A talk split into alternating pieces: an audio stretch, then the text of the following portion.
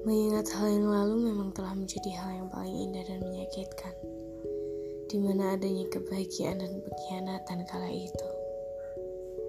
Mengingat memang hal yang menyenangkan bagi kita, namun bukan berarti kita bisa kembali dalam hal yang seharusnya kita tutup rapat sebelum menutup mata.